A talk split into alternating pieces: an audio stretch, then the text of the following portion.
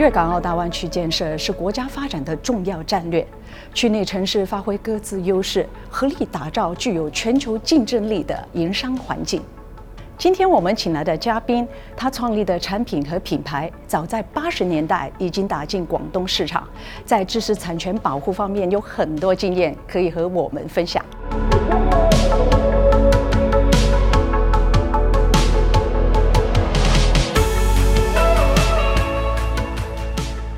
在我身边，除了是一位成功的实业家，也是一位床品寝具的发明专家，许先生，非常高兴可以见到你。子清，你好。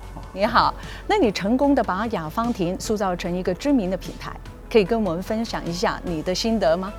不断的创新，不断的研发，是咱们雅芳婷多年来的核心价值。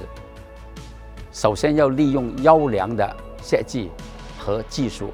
做出高品质的产品，才能吸引到一群忠实的顾客。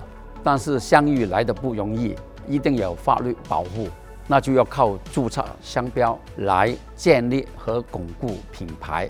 说的没错。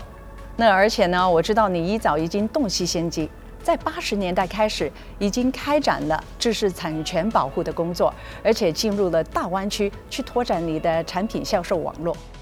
商标保护。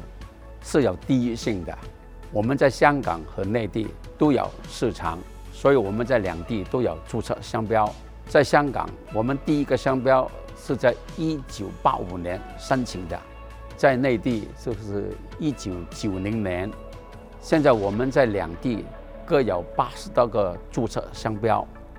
近年配合大湾区的发展，我们利用区内各城市的优势。